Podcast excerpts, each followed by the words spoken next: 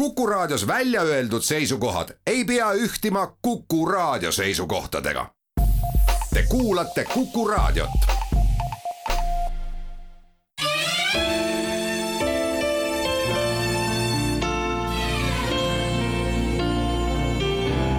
nädala raamat.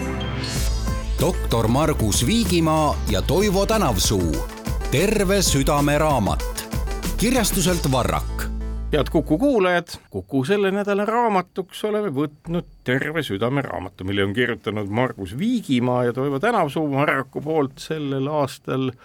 ka valmis trükitud ja kirjastatud ja Margus Viigimaa on ka meil sel nädalal stuudios sellest raamatust rääkimas, tere! tere! süda kui teema, süda kui probleem, süda kui võimalus, no kaks asja vist inimese organismis ongi, aju ja süda, mida organism eranditult kaitseb. jaa, õige, süda on ikkagi nagu kõige alus, võiks öelda jah, aju on ka ülitähtis, aju juhib meid kõike, aga aga süda eh, on kuidagi nagu inimesele lähemal ühelt poolt, ma oma raamatus ka käsitlen seda, et, et südamesõber ja, ja, ja südamlik ja kuidagi inimene seostab ennast rohkem südamega. aga kui me vaatame eh, organi tähendust, siis ikkagi üle poolte surmadest sisuliselt noh, mitte ainult süda, vaid ka veresooned sinna juurde, mis on väga sarnase, eh, ütleme siis aterosklerootilise haiguse selline väljendused. Ja eh, süda on ikka ülitähtis ja eh, järjest rohkem me südamest saame teada, järjest rohkem me oskame südant kaitsta, me oskame südant ravida, südamehaiguseid diagnoosida, nii et tasapisi areneb kogu meditsiin ja inimeste osa, endi osa on ikkagi kogu, südame kaitsmisel ja, ja südamehaiguste ennetamisel ülisuur suur. seda küll raamatus ei ole, aga küsin ikkagi, et äh, viimasel ajal, see viimane aeg on viis-kuus aastat, on toimunud väga põhjalik äh, revolutsioon aju neurobioloogias on detailideni lahti urgitsetud erinevad ajupiirkonnad ja kindlaks tehtud seal olevate rakkude funktsioonid. kas südamega, pidades just nagu silmas seda, et täpsemalt asjadest aru saada, on tehtud ka midagi samasugust, et me iga raku, iga närviraku kohta seal teame noh, oluliselt detailsemalt rakupõhist anatoomiat? jaa, ka südameuuringud on äh, läinud väga-väga sügavale ja isegi ka rakupõhiseks, äh, ka tüvirakke näiteks on, on katsetatud ja, ja südamepuudulikkuse ravis näiteks. Ja äh, kui me vaatame meie diagnostikaapparatuuri, kultuuri, siis äh, ultraheli diagnostika, no me oleme läinud niivõrd peeneks. Äh, kui me vaatame näiteks nüüd koroona äh, tüsistusi, müokardiite, südamelihase põletikke, siis tuumamagnetresonantsi abil on võimalik päris täpselt kindlaks teha see piirkond, see, see koht äh, ja see äh, ulatuse aste, kus südamelihas on kahjustunud, nii et me oleme muutunud ikkagi väga-väga palju täpsemaks ja sellele diagnostika täpsusele kaasneb ka siis see, et arendatakse erinevaid ravitehnoloogiaid välja, nii et me liigume väga-väga kiiresti. ma saan arugi, et kui me vaatame näiteks Ameerika poole, kus tõenäoliselt, kui seal käia, era, eriti no linnadest väljapool või sellistes maapiirkondades, ega kõik meie mõistes on väga-väga ülekaalulised inimesed, tõenäoliselt neil on väga-väga palju südame-veresoonkonnaga probleeme, ometi eriti üllatuslikult, kui vaadata nende statistikat, elavad nad kõik väga kõrge eani. mis see on, kas see ongi meditsiin, ravimid ja kõik muu sinna juurde kuuluv? jaa, see on väga hea küsimus ja ma olen seda ka enda käest küsinud ja, ja kui olen ka vaadanud erinevaid statistika asju. E, tõesti, kui inimesed e, on ülekaalulised, siis mingisugune e, ütleme siis ülekaalulisuse tase näiteks kehamassi indeksini noh, kuni kolmkümmend, kus algab rasvumine, et see on selline, me võime öelda, et see on äh, noh, äh, jutumärkides tervislik ülekaalulisus ja järjest rohkem on tegelikult ka sellest hakatud rääkima, on palju artikleid selle kohta, et kas äh, mingisugune ülekaalulisuse tase võib olla tervislik. Ja need inimesed jah, need väga-väga nii-öelda see, see selline ülekaalulisus ei ole väga suur südame-veresoonkonna haiguste riskitegur, aga kui nüüd sealt edasi minna, siis tõesti tekivad väga paljud suured probleemid aga nad tekivad tasapisi. Ja kuna inimeste selline vajadus äh, kehaliselt et olla tubli oma tööprotsessis muutub järjest väiksema tähendusega, siis see kuidagi, see ülekaalulisus ei anna nii oluliselt tunda, muidugi ta annab tunda liigestele ja, ja kogu elukvaliteedile, see on selge, aga süda kuidagi peab seal vastu ja on tänapäeva ravimitega võimalik väga ilusasti hoida normis kolesterool, mis nendel sageli on kõrgem, on hoida, hoida normis veresuhkur, mis on sageli nende suur probleem ja on võimalik hoida normis ka vererõhk ja need kolm parameetrit ravimitega nii-öelda normaliseerides on võimalik praktiliselt see risk langetada noh, peaaegu sinna tasemele, kui see inimene ei oleks ülekaaluline. aga ma, ma ei õigusta absoluutselt seda, sest, sest see on väga suur probleem, see tekitab erinevate tervise aspektidega väga suuri muresid sellele inimesele, ühiskonnale, aga tõesti, kui me vaatame neid numbrilisi näitajaid, siis nad elavad kauem äh,, aga selles mõttes, et, et milline on nende elukvaliteet, vot see on nüüd teine küsimus. mõnes mõttes on ameeriklased siis nagu nende oma kunagised autodki, suured aeglase mootoriga, tohutult kütusekulukad, aga peavad väga pikalt vastu. See on küll väga hea võrdlus, et, et tõesti on nii ja isegi ma ütleks, et natukene ebaökonoomsed ja, ja, ja lohmakad, aga teha hooldust korralikult, et siis äh, sõidavad päris kaua. kuigi nüüd on tekkinud see probleem, et, et see südame-veresoonkonna haiguste suremuse nii-öelda langus, mis on kogu aeg olnud Eh, on hakanud eh, praegu muutuma platooks ja juba on muutunudki platooks väga paljudes riikides, ka Ameerika Ühendriikides, nii et, et kuskilt on tulnud see sein vastu, et me oleme küll raviga väga palju tublimaks läinud, me oleme ennetusega, sest Ameerikas on ka väga palju inimesi, kes on väga tervislikud, nii et seda ei saa arvestada. ja, ja loomulikult. ja, et nagu, see kuidagi ja, nagu, nagu täiesti polariseerunud on see asi, et, et on selli-, selliseid inimesi, kes söövad rämpstoitu ja millestki ei hooli ja siis on selliseid, kes loevad igat kalorit ja, ja käivad viis korda nädalas jõusaalis, kui mitte seitse. sada aastat tagasi täpsusta, kui ma õigesti mäletan, oli vist tõenäoliselt üks ravim, mis või kaks ravimit, vabandust, mis ühel või teisel moel südant mõjutasid, nitroglütseriin äh,, aspiriin, aspiriin. Palju neid täna on? jaa, vot need nitroglütseriin ja aspiriin on siiamaale maru hästi toimivad asjad, eks ole, ja me kasutame neid, aga võiks öelda, et äh, tänapäeval on meil äh, erinevate südamehaiguste raviks kohe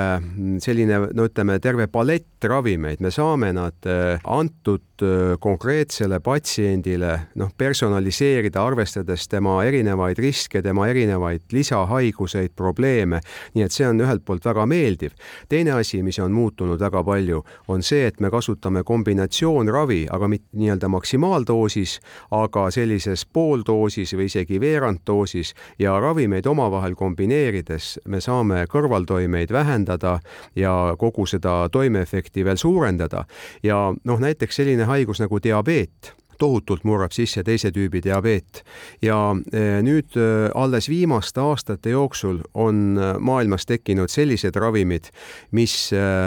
veresooni kaitsevad, mis südant kaitsevad, muidu nad ravisid küll väga hästi veresuhkrut, aga südamele ja veresoontele olid niimoodi pluss-miinus või isegi pigem miinus paljud neist. nii et me oleme väga palju edasi arenenud, südame puudulikkuse ravis on tulnud uued, uued ravimid.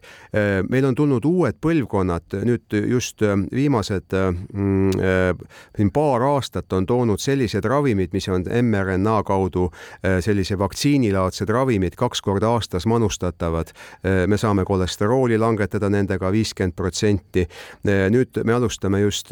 Põhja-Eesti Regionaalhaiglas ühte uuringut uue vererõhuravimiga, see on nüüd üle kolmekümne aasta esimene ravim, mis on mm, täiesti uue põlvkonna ravim, mis on süstitav, kaks korda aastas süstitav see ei ole veel apteegiravim, see on praegu juurutamisel olev ravim, nii et meeletu areng on toimunud ja toimub meie silme all ja meil on selline valik preparaate ja seetõttu need südamehaiged elavad ka palju paremini kui, kui ütleme isegi kümme aastat tagasi, rääkimata kakskümmend, kolmkümmend, viiskümmend aastat tagasi. ja edasi räägimegi juba oma järgmises saate osas. head Kuku kuulajad Kuku nädalaraamatuks Margus Viigimaa ja Toivo Tänavsuu kirjutatud Terve südame raamat Varraku kirjastuselt sel aastal meieni jõudnud. Margus Viigimaa, südamearst, meil ka täna ja sel nädalal stuudios kõnelemas. mainisid eelmises osas äh, just nimelt neid mRNA ravimeid, noh, me teame seda mRNA-d kui vaktsiini, mida Covidi vastu ja koroona vastu kasutati ühe osana.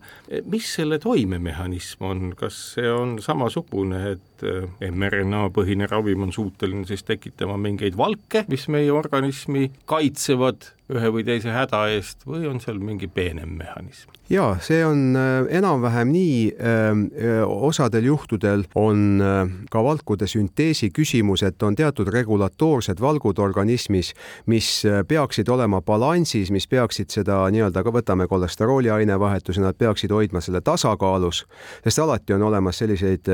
noh, ütleme selleks, et toimuks regulatsioon, on, on selliseid nii-öelda faktorid, mis siis tõstavad kolesterooli taset, teised, mis langetavad. Ja nüüd Äh, on, on äh, võimalik äh, teatud valke vähem sünteesides saada siis see kolesterool korda, mis, mis tegelikult ei ole ja vererõhuravi, ravis samamoodi. see uus ravim, see on tegelikult ainukene ravim ja me ei saa öelda üldse, et, et neid palju on. Praegu, muidugi juurutamisel on neid veel enam. Ja meil hakkab ka üks teine uuring käima, mis on lipoproteiin väike A vastane ravim, et see on niisugune uus, uus riskitegur, millest on ka päris palju juttu olnud. muide, siin hiljaaegu oli, oli oli see väike eh, või noh, täitsa korralik artikkel oli, oli Postimehes ja tekitas tohutut huvi inimestes, et, et mis asi see lipoproteiin väike A on. ka selle vastu nüüd on eh, arendamisel üks selline ravim. nii et, et teatud selliseid vajakajäämisi, mis organismis on, me saame siis eh, selle mRNA kaudu mõjustada ja saame panna selle regulatsiooni paika ja, ja vererõhud ja, ja kolesteroolid normaliseerida. küsin hoopis teist asja, mis raamatuga natuke rohkem ka haakub, on see või taustaga õigemini, on see, et äh, tuttavaid neurolooge on, kes on öelnud, et nende ülikooli lõpetamisest alates, mis on üheksakümnendate aastate alguses, on neuroloogia tänu teadusuuringutele ja uutele arusaamadele totaalselt muutunud, et põhimõtteliselt nende oskustega, millega nad lõpetasid ülikooli, ei ole täna enam suurt midagi peale hakata, kui nad vahepeal ennast täiendanud ei oleks. mismoodi on südamearstiga, kas äh, kardioloogia ja kogu seonduv temaatika on ka teinud arengus kannapöördeid või see on ikkagi läinud kogu aeg aina täpsemaks ja täpsemaks ja põhimõttelisi mingisuguseid äh, kannapöördeid olnud ei olegi? ma arvan, et äh väga raske on erialasid võrrelda, aga selline mm, minu arvamus on küll, et kardioloogias äh, ei ole need arengud olnud mitte väiksemad ja see on täiesti õige, et see, mis oli äh, üheksakümnendate aastate algul näiteks, noh, kui me võtame näiteks, võtame vere, lihtsad asjad, vererõhuhaiguse ravi. me asutasime Eesti Hüpertensiooni Ühingu tuhat üheksasada üheksakümmend viis ja siis ma mäletan, me tegime kokkuvõtteid ja kasutusel olid äh, sellised tsentraalse toimega vanema põlvkonna ravimid, palju paljude kõrvaltoimetega inimesed võtsid neid väga episoodiliselt. Eh, noh, see oli täiesti nagu olematu äh, raviarsenal ja nüüd me oleme jõudnud situatsiooni, kus me kasutame kõiki neid samu ravimeid, mis näiteks Soomes, Rootsis, Saksamaal ja me kasutame neid ka samades ütleme nii doosides ja ka ravime sama suurt hulka patsiente, näiteks meil on kuskil kolmsada nelikümmend tuhat patsienti Eestis igapäevaselt ravil, nii et noh, see on kui üks haigus võtta, aga kui me vaatame üldse näiteks müokardi infarkti ravi, et me alustasime mm, äh, trombolüüsiga, see tundus uus ja põnev ja mitte tundus, vaid oligi, me saime tegelikult trombi ära lahustada. sageli infarkti põhjus on ju mitte, äh, mitte ainult lupjumine, vaid lupjumise sellises kriitilises kohas tekkiv tromb mis paneb lõplikult verevoolu seisma. ja nüüd äh, trombolüüsi kasutades me saime päästa tegelikult inimelusid, me saime vähendada infarktitsooni ja nüüd on sisuliselt äh, Tallinnas ja Tartus aastaid juba äh, ööpäevane valveteenistus, kus on võimalik kiiresti ballooniga avada koronaararter, on võimalik sinna panna tugivõrk. nii et noh, sellised, kui me räägime stimulaatoritest, noh, mis oli siis, mis on praegu või, või näiteks elektrofüsioloogia areng, et meil on võimalik kateetri teel teha mm, erinevate elektriliste häirete ravi südames ja väga efektiivselt. nii et neid asju on, on ülipalju, pumbad näiteks, kui me vaatame, on võimalik äh, paljudel äh, täiesti äh, peaaegu olematu südamefunktsiooniga inimestel siis vasaku vatsakese abiseadme paigaldamisega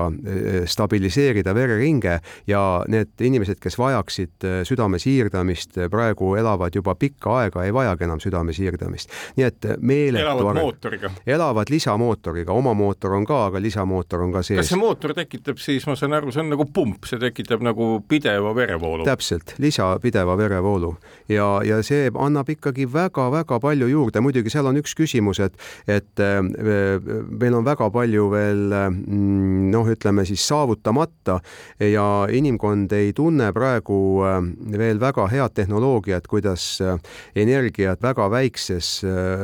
siis ruumalas efektiivselt salvestada. Ja kui, kui see tehnoloogia leitakse, et siis muutuvad need äh, seadmed veelgi kompaktsemaks ja praegu ikkagi on vaja elektrivoolu siis läbi, läbi naha äh, anda ja patarei, patareikott on siis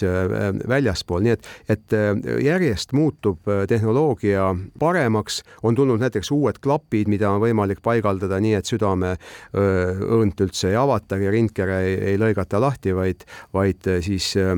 veresoone kaudu elegantselt paigaldatakse klapp, see avaneb ise. Praegu on aordiklapil see asi olemas, mitraalklapil on juurutus ja, ja varsti on ka see igapäevakasutuses, nii et meeletu tehnoloogia areng. mõtlen sellesama püsiva verevoolu peale ka raamatus kirjutad, et äh, iseenesest organismile oleks kasulikum, kui veri ei tuksleks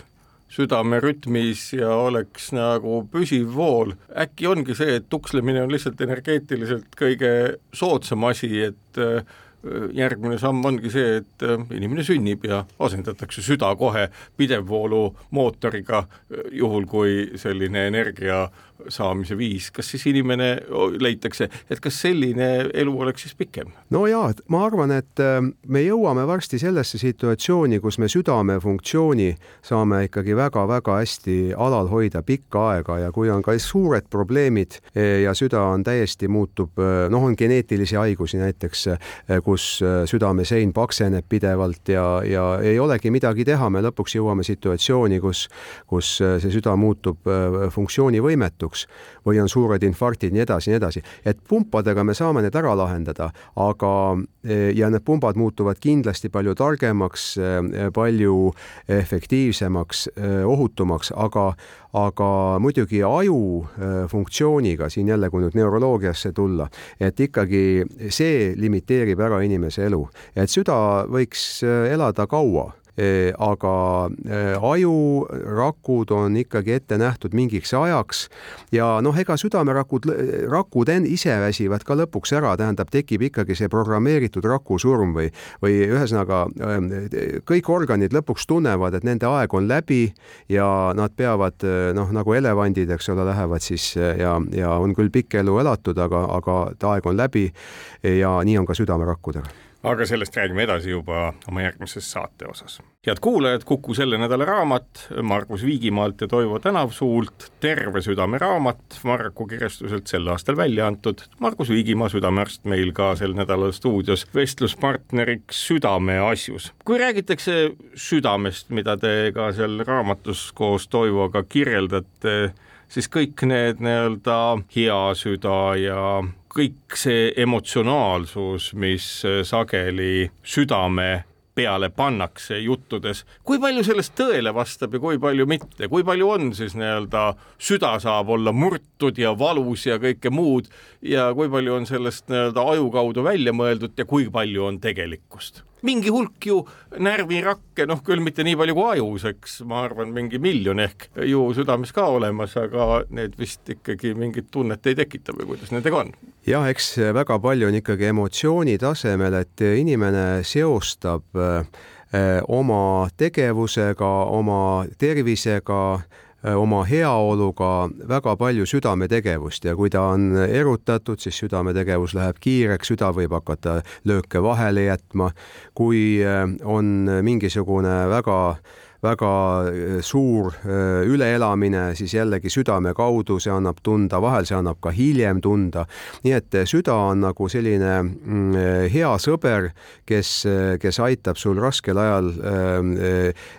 raskest seisust välja tulla ja südamega tekib nagu selline isiklik äh, suhe ja, ja seetõttu ongi need emotsionaalsed sellised väljendused, noh, murtud süda on, on tõesti ka meditsiinis olemas, et, et see selline, selline sündroom on olemas, kus äh, südametegevus mm, äh, halveneb ja äh, see võib mõne, on erinevad põhjused seal ja võib, võib mõne, mõne aja pärast küll mööda minna, aga näiteks suure südamega inimene, noh, me ikkagi, kui midagi on suur, siis see inimene on kindlasti väga väga vastutulelik ja väga heatahtlik ja väga tore inimene, aga kui, kui tegelikult on suur süda, siis see suur süda ei ole hea. et süda on selline umbes rusikasuurune ja ta on kaalult kusagil kolmsada kakskümmend, kolmsada viiskümmend grammi aga see suur süda võib vahel minna ka nii, et on kilo, kilogrammine süda näiteks ja see on juba väga halvasti, et sest see verevarustus halveneb seal ja see näitab, et miks see süda on suureks läinud, et, et ta ei ole oma tööga hakkama saanud, ta on pidanud oma lihasmassi suurendama, siis lõpuks ta venib välja ja, ja need suured südamed ei ole üldse mitte hea ja südame põhjast, nagu öeldakse jällegi, et noh, et need on sellised kunstilised väljendid ikkagi. kui kiiresti õigemini südamerakud uuenevad, et äh, kas aasta pärast on meil täiesti uus süda? ja vot see on, see on nüüd huvi, huvitav küsimus, et, et iseenesest kogu organism pidevalt uueneb, noh, ajurakud meil ei uuene, kuigi selle kohta on ka, et võib-olla midagi seal võiks uueneda, aga praktiliselt mitte. aga küsimus on peamiselt niimoodi, et selle uuenemisega uuenemise käigus nad ei muutu, äh, ütleme, need hädad, mis seal on, need hädad jäävad alles. ja äh, hädadeks on ikkagi see, et äh, kui need uued rakud saavad endiselt halvasti verd, nad ei saa piisavalt koormuse tingimustes verd, kuna arterid on ahenenud või siis, et on tekkinud struktuursed südamemuutused, mis tähendab, et kas mõne klapi Äh, häire tagajärjel või näiteks kõige sagedasem on kõrgvererõhu tõve tagajärjel, on südame vasak-vatsake äh, sein on paksenenud, et siis äh, need muutused käivad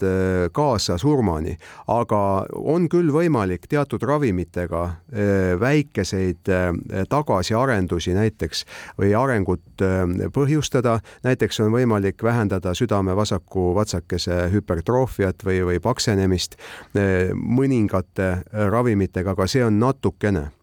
Nii et jah, et see uute, me ei saa, me ei saa väga palju loota, et, et me uueneme ja meie haigused kaovad ära. räägime kõrgvererõhust ja sellega kaasas käivatest hädadest. nii palju, kui ma raamatut lugedes aru sain, põhiline põhjus, mis tekitab kõrgvererõhuga kaasas käivaid hädasid, on asjaolu, et veri ei voola enam soontes äh, laminaarselt, vaid tekivad turbulentsid, keerised ja muud sellised. kas see on ainuke põhjus või on seal veel mingeid asju? Ja võiks öelda, et põhiprobleem kõrge vererõhuga on see, et mm, ta mm, võtab ära veresoone sisekesta, ütleme arteri sisekesta, sest veenides on rõhk väga madal. Ja ta võtab selle arteri sisekesta vastupanuvõime ära. Ja arteri sisekest ongi see, mis äh, määrab äh, ateroskleroosi protsessi alguse, seal sünteesitakse aineid nagu lämmastikoksiid, nagu näiteks prostatsükliin ja, ja need, äh, mm, ained ei lase näiteks kolesteroolil, halval kolesteroolil, näiteks adrenaliinil, näiteks erinevatel toksiinidel, ei lase kahjustada endoteeli ehk süde, ehk siis veresoonte sisekesta. ja nüüd see vere pidev kõrge vererõhk võtab selle võime ära. näiteks toon, toon näite ma tudengitele alati seda toon, et, et kui me võtame veenid, siis veenid kunagi ei lupi ju, aga nad ka ujuvad selles nii-öelda kolesteroolirikkas veres, kui inimesel on kolesterool kõrge, kõrges veresuhkru nii-öelda sisaldusega vere sees, aga nad ei lupi ju. aga kui me võtame nüüd äh, südameoperatsioonil kasutatakse näiteks šundi materjalina veeni äh, šunti või veeni, veenimaterjali, siis niipea, kui me paneme ta suure rõhu alla, nagu on teised arterid, siis ta hakkab käituma nagu arter ja vaata, et hakkab veel kiiremini luppima. nii et see rõhk on väga tähtis, aga turbulents on ka väga oluline. aga turbulents on nüüd juba pigem tagajärg, et kui nüüd on tekkinud muutused mm, ja eriti just need muutused tekivad lupjumise näol just arterite hargnemiskohtades, eriti suurte arterite hargnemiskohtades, siis seal need tekkinud naastud ei lase enam verel eh, siis laminaarselt voolata, verevormelemente, eriti trombotsüüte, trombotsüüdid purunevad, tekitavad seal väikseid trombikesi, need sidekoestuvad, kaltsifitseeruvad hiljem ja muudkui see protsess läheb edasi. aga neist asjust edasi räägime oma järgmises saate osas head Kuku kuulajad, Kuku selle nädala raamat, Terve südame raamat, mille on kirjutanud Margus Viigimaa ja Toivo Tänavsuu, Marraku kirjastuselt sel aastal välja tulnud. Margus Viigimaaga ka sel nädalal raamatust räägime. kui ma nüüd küsin su enda käest, siis äh, kas või seda, et äh, millal ja mis asjaolud panid sind valima arstiõpingute juures just nimelt sedasama südametemaatikat, kardioloogiks hakkamist, et äh, olen kuulnud, inimestel on väga erinevaid motiive, mis nad ühe või teise meditsiinivaldkonna kitsamalt valivad. milline sinu oma oli? Ja ehm, see südame teema oli mulle tegelikult äh, üks nendest teemadest, äh, üks nendest aladest, äh, mida ma mõtlesin juba, kui ma ülikooli astusin, aga mul oli ka päris palju teisi selliseid valdkondi, mulle väga biokeemia meeldis, ma käisin biokeemia ringis, mulle meeldis väga geneetika, ma oleks isegi kunagi keskkoolis mõtlesin, et üldse geneetika peale bioloogiat hoopis minna õppima, nii et neid oli, oli erinevaid, aga võib-olla üks selline tegur oli ikkagi, et et sattusin üliõpilasteadust äh, tegema või läksin tegelikult ise aktiivselt äh, professor Sullingu gruppi. Ja vot sealt kuidagi hakkas see südame äh, teema ja see areng, mis kardioloogias sel hetkel oli, see hakkas ikkagi nii lummama ja, ja, ja samas ka olles praktikal ja olles näiteks noh, olin operatsiooniplokis, töötasin sanitarina, et näha neid südameoperatsioone ja ka teisi operatsioone ja näha, et meil on ikkagi noored inimesed, keda opereeritakse ja, ja, ja, ja kõik see, siis tekkis ka see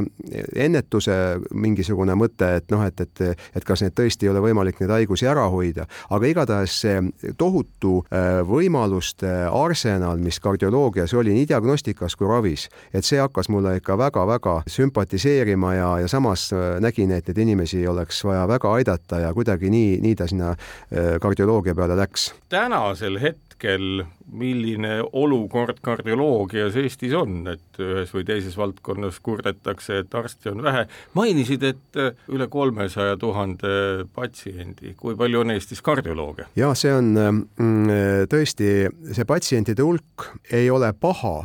selles osas, et me nendel üle kolmesaja tuhandel inimesel oleme saanud ühe põhiparameetri vererõhu korda, no paljudel nendel, enamus nendest, kõik kahjuks ei allu ravile nii hästi. Ja nende risk on nüüd ikkagi edasiste tüsistuste ja edasiste probleemide suhtes palju väiksem. aga kardiolooge, ma ütleks kõigepealt, kui vaadata meie kardioloogide registrit, siis on seal umbes sada viiskümmend või natukene mõni rohkem kardioloogi aktiivselt, reaalselt tegelikult töötavaid, osad on ka pensioneerunud kardioloogid või töötavad mõnel, mõnel teisel ähm, ametikohal, aga, aga reaalselt on kusagil sadakond ja meil on, meil on täiesti piisav sellest, selleks, et ähm, seda mm, kardioloogi tööd teha. meil on väga tublid residendid, iga aasta äh, tuleb meil juurde ütleme kaks, kolm, neli kardioloogi ja need on väga hea väljaõppega. Ja õnneks ei ole meie kardioloogid läinud välismaale tööle oluliselt, siin on mõned üksikud juhud, on läinud Rootsi paar kardioloogi tööle Ameerikasse. Äh,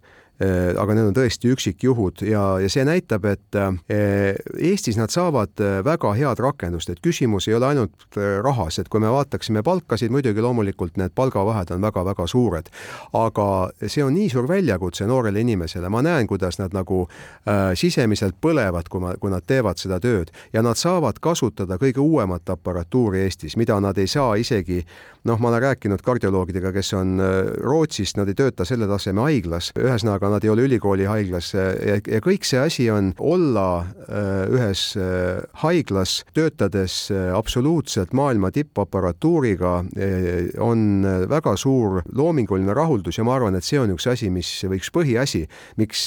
noored kardioloogid on Eestisse jäänud ja, ja ma ütleks küll julgelt, et kui mul endal mingi südameprobleem on, et, et ma julgelt laseks ravida Eesti kardioloogidel ennast. et ma, ma näen seda igapäevaselt, ma olen käinud väga paljudes riikides, riikides, äh, ma olen aasta aega olnud Jaapanis ja Saksamaal olen palju olnud päris kuude kaupa, olen Inglismaal päris pikalt olnud, et sellist, äh, ma julgeks öelda, et äh, me oleme absoluutselt heal tasemel kardioloogiaga.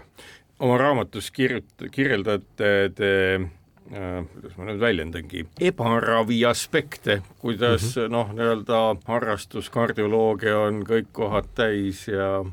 no mitte kas nüüd kõik kohad täis, aga neid tuleb aeg-ajalt ette kes küll pendliga, kes muul mm -hmm. moel oma südant üritab korras hoida su enda kogemus, kui äh, tuleb su juurde patsient ja kui palju ta ise teab enda südamest ja kõikidest nendest seostest, mida te oma raamatus ju väga selgelt välja toote. et kas see peaks olema iga inimese selline hea taskuraamat, et lugege läbi, mis te sees on ja kuidas see töötab? ja eks muidugi inimesed tahavad äh, ise väga palju äh, juurde mõelda ja äh, vahel on mingi tasemeni on see väga hea, kui nad mõtlevad, aga on teatud ikkagi eksiarvamusi täiesti ja kui sa neid noh, lugeda internetist ja ja mis võivad raviprotsessile ja, ja ja, ja kogu, kogu, kogu inimese tervisele väga halvasti mõjuda. no ma arvan, et eh, ma kirjeldasin seal tõesti on olnud selliseid pendliga inimesi, kes vaatavad, et kas see ravim, mis ma kirjutan, et kas ta nagu ikka on, on eh, sobiv eh, sellele konkreetsele. mida sellisel juhul on pendel näidanud? vot on positiivne olnud, eks. jah, vaata, kui oleks olnud nüüd negatiivne, siis vot ei oskagi öelda, siis ma oleks äkki teise ravimi kirjutanud või,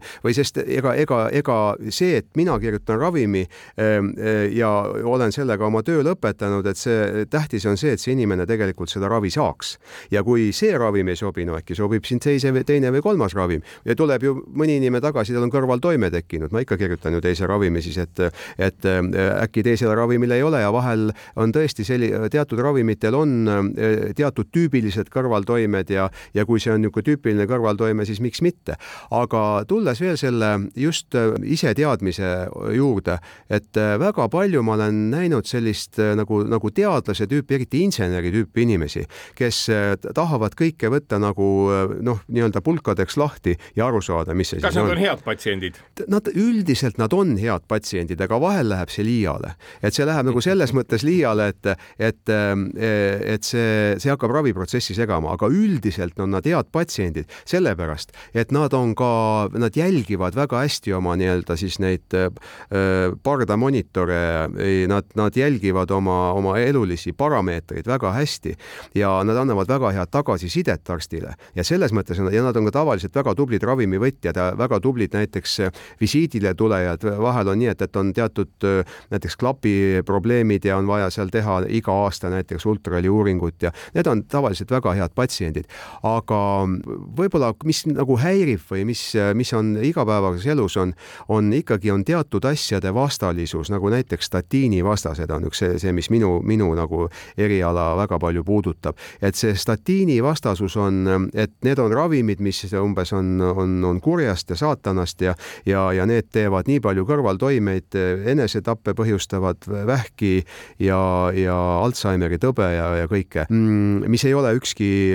tõendust leidnud, aga kui ma võtan teiselt poolt, siis need statiinid on nii palju äh, inimkonda aidanud, äh, nad on nii hästi uuritud ravimid ja nad on nii palju palju ähm, lükanud edasi uute südamelihase infarkti juhtude teket ja ära hoidnud niivõrd palju südameinfarkte. aga loomulikult statiinidel nagu, nagu ka äh, praktiliselt kõigil ravimitel on kõrvaltoimed ja kõigile nad ei sobi, aga ütlen kohe ka ära, et nende asemel on tulnud äh, uue põlvkonna ravimid, millel neid kõrvaltoimed praktiliselt ei ole. meil on olemas kaks korda kuus äh, süstitavad ravimid, meil on kaks korda aastas süstitav ravim olemas, mis on küll praegu veel hinna poolest väga kallis, aga ka juba Eesti Haigekassa rasketel juhtudel neid ravimeid kompenseerib ja, ja, ja edasiareng on ikkagi väga suur, aga ma, ma ütlen, kardioloogias selle isemõtlemisega ei ole väga suuri küsimusi,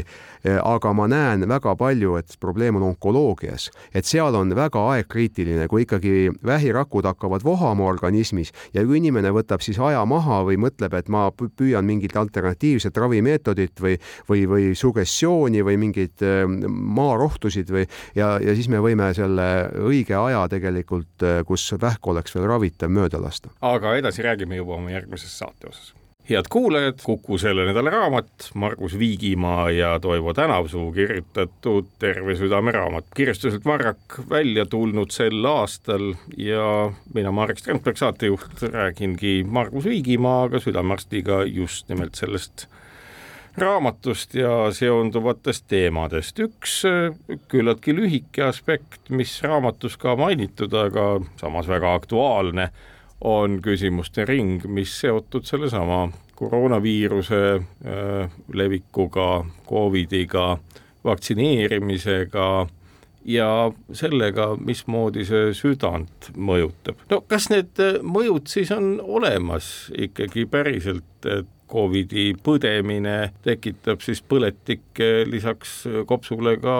mujal südames. ja see on tõesti õige, et äh, Covid on ikka üks, üks, üks väga-väga kehva viirus ja, ja väga tohu, tohutult palju on ta meie elu mõjutanud ja ta mõjutab praktiliselt kõiki organeid ja südames on just äh, eriti suureks probleemiks põletik. Ja noh, kui me te samas teisipidi võtan, igasugune kopsupõletik äh, kahjustab ka südant mingil määral, kui on mandlipõletik, see kahjustab südant, aga see Covid on kuidagi eriti salakaval. Ja enamus inimesi, kohe julgustuseks ütlen ja sellest on palju juttu olnud, et põevad ta nii ära, et mitte midagi, mitte kõige vähematki ei juhtu. et ma olen isegi siin vaadanud vahel näiteks, vaatan, inimene on koormustestil käinud ja ütleb, et ah, mul siin oli kümme päeva enne oli või, või, või kaks nädalat enne eh, Covid, aga mul oli aeg ja, ja et ma ikkagi läksin, et siis juba tohtis ja ma läksin, tegin koormustesti ära. mitte midagi hullu seal ei ole, kuigi ei tohiks, aga eh, kahjuks just kardioloogi juurde tulevad need, kellel on probleemid tekkinud ja, ja põhiline probleem on südamerütmi häired ja kuidagi minu juurde vähemalt on, on, on suur enamus on, on, on naised, kes on sattunud südamerütmi häiretega, kellel pole kunagi enne olnud südamerütmi häiretega probleeme. me uurime südant põhjalikult, meil on äh, väga head võimalused selleks, loomulikult ultraheli diagnostika, ehokardiograafia, kõige sellisem äh, käepärasem kuldne standard, aga ka näiteks äh, haiglas me teeme seda magnetresonantstomograafiat, kus on väga täpselt võimalik see põletikuline kahjustus kindlaks teha. Ja kurb loolisus on selles, et äh, meil ei ole väga häid ravimeid ei viiruste vastu ja meil ei ole ammugi häid ravimeid siis, kui me näeme, et, et see põletik on juba tekkinud. Aga meil on siiski päris head vahendid, et südame ainevahetust parandada, et südame koormust optimeerida ja, ja need probleemid on jah, kahjuks täiesti olemas. Nad tavaliselt lähevad tagasi äh, kuude jooksul, aga see vahel võib olla ka seal kaheksa kuud, kümme kuud, isegi aasta. tavaliselt on paari paari-kolme kuu küsimus. ma küsin siia, et kui on rütmihäirega tegemist, siis eeldan ma natuke oma inseneri mõtet äh, rakendades, et äh, tõenäoliselt on siis kahjustatud just nimelt äh, südames olevad närvid ja elektri leviku teed või on seal mingid muud põhjused? põhiline põhjus ähm, Covidi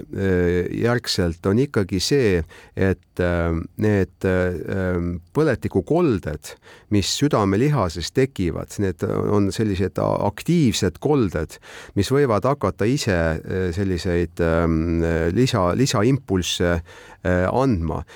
Nad võivad ähm, kahjustada ka südamejuhteteid. tavaliselt, kui südamejuhte teede elektrijuhtmed on, on kahjustunud, siis just selle impulsi levik aeglustub ja võivad tekkida sellised aeglasema südametegevusega seotud häired, aga muidugi väga paljud mitte Covidiga seotud südamerütmihäired on, on juhteteedest jällegi tingitud ja, ja nagu ma enne ka mainisin, on need elektrofüsioloogilised uuringud, mida me tänapäeval saame teha, on ikkagi muutunud sellise, sellise täpsusastme juurde ja, ja ka neid valesid juhteteid ja, ja siis halva funktsiooniga juhteteid on võimalik ka juba ravida, nii et, et see on, mis puudutab elektrofüsioloogiat, aga jah, ka Covidi puhul ikkagi see, see põletik ja südamelihase mm, kärbumine ka teatud piirkonnas, nii nagu ka see südame-isheemiatõve korral, seal ju ka tegelikult otseselt ei kahjustata juhteteid, vaid, vaid südame, südamelihast ennast ja seal võib tekkida sellised elektriimpulsid, mis võivad südame üldse nii noh, kas täiesti seisma panna või siis äh, muuta südametöö ebaefektiivseks. nüüd, kui tulla järgmise asja juurde ja küsida vaktsineerimise kohta, mis loomulikult inimesi ju erutab arusaadavalt, siis kas äh, tänaseks päevaks on tekkinud ka nii palju neid juhtumeid ja uuringuid, et kus me võime öelda, et kas äh, pelk Covidi põdemine või Covidi põdemine kontekstis, kus on saadud vaktsiinidoos, kumbadel juhtudel südamelihase kahjustusi rohkem on? no ikka eh, need, kui on eh, Covidi põdemine, siis selle järgi on need asjad ikka väga hullud ja isegi need mõned, mõned juhud on sellised, kus, kus on ikkagi väga suured südamekahjustused tekkinud. Eh, kahjuks on tõesti ka vaktsineerimise järgselt neid asju tekkinud ja väga paljudel ka noortel inimestel tekivad mingid südamehäired. osadel juhtudel nad võivad olla tingitud, noh, nad, nad ei ole, ütleme, väga-väga olulised, aga kui inimesel pole kunagi midagi viga olnud, et siis ikkagi see on piisav. šokk on suur. jah, šokk on suur aga eh, ja kahjuks ma olen, eks kardioloogi juurde nad lõpuks jõuavad, eks ole. nii et eh, ma olen näinud eh, päris palju inimesi ka selliseid, kes kes tõesti on korralikult need vaktsiin, vaktsineerimised teinud ja, ja, ja kellel on iga kord, kui see jälle vaktsineerimine on, on läinud see, see südame nii-öelda noh, just tavaliselt rütmihäirete küsimus. ja vahel on ka mõne, mõnel on, mõned kurdavad ka, et on valud südamepiirkonnas tekkinud, aga need tavaliselt lähevad mööda. nii et kahjuks on igal sellisel äh, lahendusel äh, no, äh, omad äh, nii-öelda noh, kõrvaltoimed olemas, aga kui vaktsineerimist ei oleks, kui me ei oleks äh, neid vaktsiine saanud, et siis oleks see Covidi kahjustus ikkagi kogu maailmas olnud hoopis-hoopis äh, suuremate mastaapidega. kardioloogilisi probleeme oleks kuhjaga olnud? kindlasti ja, ja mitte ainult ikkagi seesama kopsu, kopsu asi, et sinna oleks ikkagi väga-väga palju rohkem inimesi kahjuks oma elu jätnud. ehk et tegemist on väga tüütu tõvega, mille olemusest me tänase päevani lõpuni aru ei saa? jaa, me järjest rohkem tema temast teame, aga et eh, kuidas nii agressiivne viirus üldse nagu, nagu tekkis ja kas ta on eh, nii-öelda inimtekkene või, või, või, või kuidas see asi kõik käis, seal on väga palju veel eh, ebaselget. kas on mingisugune baasteadmine, mida iga inimene südamest teadma peaks, täiesti selline olemuslik, et kui midagi on korrast ära, siis tuleb uurida või on veel midagi, mida peaks inimestele südamele panema, südamele panema. Jah, südamele panema jah, ma arvan, kõigepealt tuleb südamele panna seda, et südame-veresoonkonna haigused on äh, väga hästi ennetatavad, me oleme seda juttu väga palju rääkinud, aga ikkagi viiskümmend protsenti on meie enda kätes. ja kui äh, kõige olulisemad asjad on toitumine, liikumine, mittesuitsetamine stressi maandamine, piisav uni, et kui need aspektid on paigas, et siis äh, on ikkagi äh, päris palju südamest kaitstud ja veresoontest ja kui tekivad sümptoomid, väga sageli õnneks on need sellised mm, väsimuse või vaimse väsimuse sümptoomid, vaimse ülepingega inimestel, südamerütmi häired, valud südames ja me uurime, siis selgub, et asi nagu väga hull ei ole. aga tahaks eriti südamele panna seda, et kui tekib esimest korda elus mingi selline ängistus või mingisugune ebamugavustunne või arusaamatu tunne, eriti kui ta on koormusega seotud, vot siis see võib olla eriti meestel vanuses nelikümmend, viiskümmend, viiskümmend viis. Äh, väga sageli need asjad tekivad täiesti ootamatult, kunagi pole midagi viga olnud, et siis ei tohiks viivitada, äh, vaid peaks pöörduma arsti juurde. naised pöörduvad kergemini, mehed ei taha pöörduda aitäh, Margus Viigimaa, et said tulla Terve südame raamatut tutvustama. sellega on Kuku selle nädala raamatu tutvustus ka läbi. Äh, tegemist on raamatuga, mis võiks olla igaühe käsiraamatuks, olgu ta siis patsient või, või terve inimene, kes abi ei vajagi. Igal juhul südamest annab see hea ja põhjaliku pildi täpselt nii põhjalikku, kui on vaja, et mitte tegeleda väga palju ise ravimise ja muude nipitamistega. süda on oluline asi pidage siis seda silmas ja head lugemist teile ning kaunist päeva.